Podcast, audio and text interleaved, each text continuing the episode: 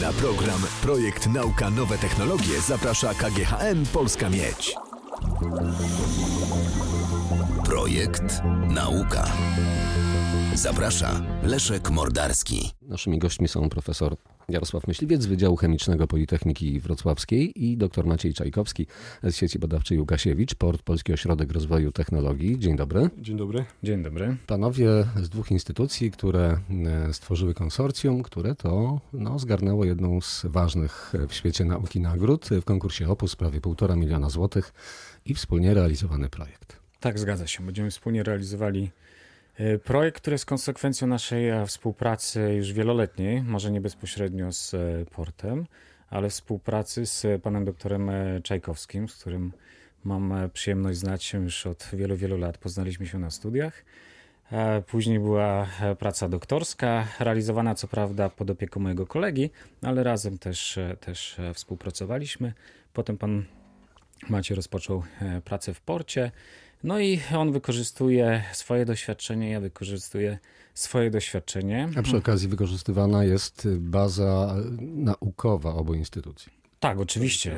Jak najbardziej korzystamy z obu laboratoriów. To jest podstawa. Oprócz ludzi ważne są laboratoria i to, w co wyposażone są laboratoria, bo projekt ma charakter jak najbardziej komplementarny. Mówię o wyposażeniu, dlatego że ten milion czterysta tysięcy złotych to też między innymi na e, niezbędny do tego projektu, o którym za chwilę sprzęt. Tak, to jest sprzęt, sprzęt w postaci drobnych materiałów. E, drobnych mówię o e, związkach, które będą wykorzystywane do stworzenia jakiegoś układu, który Czyli będzie materiałów już światło. poddawanych y, procesowi naukowemu. Tak? E, tak, dokładnie, ale do tego jeszcze oczywiście urządzenia, które będą wymuszały pewne zjawiska w tych e, materiałach. E, mam na myśli tutaj laser impulsowy, bo to jest jeden z poważniejszych zakupów w ramach tego projektu. Mhm. Układy ciekłokrystaliczne jako źródła elektrycznie przestrajanego białego światła laserowego. Tak brzmi tytuł tego nagrodzonego w opusie projektu. Łączymy tutaj kilka jakby aspektów.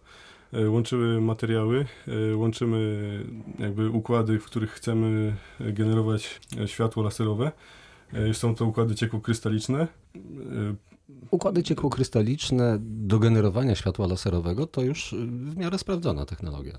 Znaczy, znane są prace takie i doświadczane i dość na wysoko rozwiniętym poziomie generacja światła laserowego przy pomocy układów na przykład cholesterycznych, ciekłych kryształów. E, Wiem, że taki produkt już e, gdzieś powstał koło Uniwersytetu Cambridge przy grupie profesora Colesa. Tu chcielibyśmy e, na pewno rozszerzyć te badania podstawowe, czyli rozszerzyć taką wiedzę na temat e, różnorodności takich e, te, te, tego typu układów, czyli tu głównie ma, materiały i, i, no, i nowe układy rezonatorów do, do laserów. Jak już padło, badania podstawowe, czyli efektem nie będzie konkretne urządzenie, konkretne przestrajane urządzenie. Z definicji jest to niemożliwe w ramach e, tego rodzaju konkursu. Projekty typu Opus e, są finansowane właśnie do badań podstawowych, aczkolwiek zawsze gdzieś tam Później pomysł jest może... jakaś idea. Każdy z nas e, robi te badania podstawowe, ale no jednak po coś, nie tylko żeby sprawdzić, e, No co się tam Nobla, dzieje. tak myślę. No, dla Nobla to może jakieś tam indywidualne marzenia, ale tutaj e, coś, coś innego, czyli szukamy takich związków, układów, e, związków, które będą może w przyszłości gdzieś, czy pokazujemy może w ten sposób, e, pokazujemy możliwości tych układów do czegoś konkretnego. A jeżeli ktoś chce zrobić coś konkretnego, to już są inne źródła finansowania, inne możliwości, to już jest troszeczkę inna zabawa. Co wyjątkowego jest w tych laserach, y, czy świetle laserowym generowanym w układach ciekłokrystalicznych? Ja może dodam jeszcze do tego, co pan Maciej tutaj powiedział, że taką nowością w tym projekcie, no bo zrobienie lasera na ciekłych kryształach, to co było powiedziane, to już zostało wykonane ileś tam lat temu, więc żadna nowość w tym nie jest. Natomiast y, uzyskanie tak zwanego białego światła laserowego to jest niewątpliwie nowość. Jest to swego rodzaju też zaprzeczenie. Białe światło laserowe. E, Laser nam z czerwienią się kojarzy. No właśnie, laser to światło monochromatyczne o jednej długości fali, natomiast światło białe to jest zazwyczaj zbiór kilku Tak długości e, fal. E, Natomiast my tutaj pokazujemy, że w jednym układzie ciekłokrystalicznym, czy będziemy chcieli pokazać, że w jednym układzie ciekłokrystalicznym mamy trzy barwniki emitujące światło w zakresie czerwonym, zielonym i niebieskim o monochromatycznej e, długości, wąskiej linii emisyjnej przy jednoczesnym wzbudzeniu innym jeszcze laserem, bo wzbudzamy to wszystko e, optycznie. I w ten sposób dostajemy światło białe, w skład którego wchodzą trzy wąskie linie e, emisyjne. Czy to jest taki zwykły mixt, y, proste złożenie trzech y, źródeł światła? O, to nie jest takie proste. Jakby to było takie proste, to już dawno by ludzie to zrobili. E, trzeba znaleźć takie barwniki, które podczas emisji nie będą przekazywały sobie e, energii, nie będą przekazywały sobie fotonów w sposób bezradiacyjny, bo wytracamy wtedy e, część intensywności emisji w danej długości fali, więc wszystkie muszą emitować e, jednocześnie i to co ważne, trzeba znaleźć takie barwniki, które można wzbudzać jedną długością fali, a nie trzema różnymi laserami. I co jeszcze jest ważne, że takie barwniki muszą się mieszać z ciekłym kryształem, bo to jest matryca, która będzie nam te barwniki utrzymywała i w której to matrycy będziemy modyfikowali e, właściwości emisyjne tych naszych e, barwników. Już panowie powiedzieli o trudnościach. Co największą w tym procesie wymyślania tego białego lasera? No to tak naprawdę wydaje mi się, że znalezienie odpowiednich barwników i połączenie ich z ciekłym kryształem, żeby w sposób e, odpowiedni, całkowity ze sobą się mieszały, żeby nie powstały uk- układy wielofazowe i każdy z osobna działałby oddzielnie. Chcemy, żeby one razem e, ze sobą współ- współgrały, współdziałały. Tak, jeszcze bym dodał, jeśli mamy dwa e, składniki nie mieszające się, czyli ten ciekły kryształ i barwnik fluorescencyjny, kiedy one nie mieszają się, y, one tworzą mikroskopowo osobne struktury, które mogą po prostu rozpraszać światło, a rozpraszanie światła y, No to już nie laser. y, to już, y, znaczy tu częściowo się zgodzę, częściowo nie, bo na układach rozpraszających też chcielibyśmy rozwinąć tą ścieżkę, bo można generować światło laserowe na układach rozpraszających, ale to jest zawsze traci się jakieś dodatkowe cechy, czyli na przykład kierunkowość e- emisji światła. Mhm. Ale b- jeżeli mogę dodać, Jasne. jeszcze oczywiście e, e, laserowanie oparte na rozpraszaniu e, istnieje i to jest e, jeden też z moich e, koników, pozwolę sobie tak nazwać, jeden z tematów e, grupy badawczej, którą prowadzę, czyli tak zwane laserowanie randomiczne. E, Wykorzystujemy rozpraszanie światła, ale w sposób e, konstruktywny. E, Mamy wiele emisji e, w jednym e, czasie wąskich linii emisyjnych, w jakim zakresie spektralnym e, układu, który emituje w tym zakresie e, spektralnym, także coś takiego jak e, laserowanie e, oparte na rozproszeniu, laserowanie randomiczne istnieje i ma wiele, wiele zalet. E, Wróćmy do istoty tego projektu. E, Do czego w ogóle potrzebne jest laserowe światło białe? Oczywiście zastosowań może być kilka. Przede wszystkim jako e, zwykłe źródło światła białego. E, Źródło światła białego, którego możemy modulować e, barwę, e, czyli temperaturę poprzez e, ilość barwnika, poprzez natężenie światła czy moc, energię e, lasera pompującego. A co z energią w ogóle światła? Laser kojarzy nam się z raczej takim no, bardzo mało energetycznym e, promem. Och, myślę, że Amerykanie by się z tym nie zgodzili. Jak czytałem dzisiaj artykuł na temat broni laserowej, tam mamy potężne To energię. prawda. To prawda, ale do takiego oświetlania codziennych miejsc, gdzie przebywamy, też laser mógłby być wykorzystywany. Mógłby być e, wykorzystywany jako źródła tak, e, światła Mhm. białego. Oczywiście należałoby ograniczyć intensywność, bo raczej myślimy o Punktowość może. tej... Punktowość też, ale to zawsze można Rozproszyć. po, rozproszyć, poszerzyć widmo emisyjne. Mm, Można myśleć, ludzie pracują nad tym, nad wykorzystaniem tego rodzaju źródła i w ogóle światła białego, które znajduje się w pomieszczeniu do przesyłu informacji. Tak zwana technologia Wi-Fi. e, W porównaniu mówię Wi-Fi do e, Wi-Fi. Wi-Fi. Tak, e, wireless LAN. I o tym też się mówi. To by się idealnie do tego też nadawało.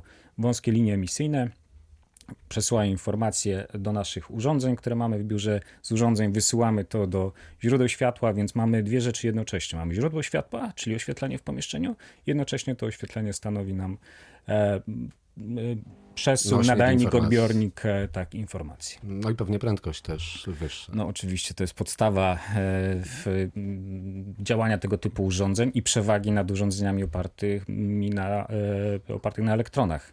Tutaj mamy fotony, nie ma nic szybszego od fotonów. Elektrony, ich prędkość jest ograniczona, możemy się zbliżyć z elektronami, zbliżyć do prędkości e, fotonów, ale to oczywiście w odpowiednich akceleratorach i tak dalej, więc to nie ma mowy tutaj o komercyjnych zastosowaniach i to jest ta przewaga, e, przewaga światła w ogóle, fotonów generalnie, czyli ta p- prędkość przesyłu e, informacji. Jaki jest horyzont czasowy tego projektu? To jest praca rozłożona na miesiące, lata? E, Generalnie w założeniu projekt jest przewidziany na 36 miesięcy, lata. czyli 3 lata. I to jest takie optimum w naszym odczuciu, żeby wykonać badania podstawowe, sprawdzić, co się może wydarzyć w tych układach, no żeby potem myśleć o jakichś kolejnych projektach, które będą to w dalszym ciągu rozwijały. Jak jest z weryfikacją e, wyników takiego projektu? Panowie muszą się czymś wykazać? No musimy się wykazać. E, Pracą, rzecz jasna.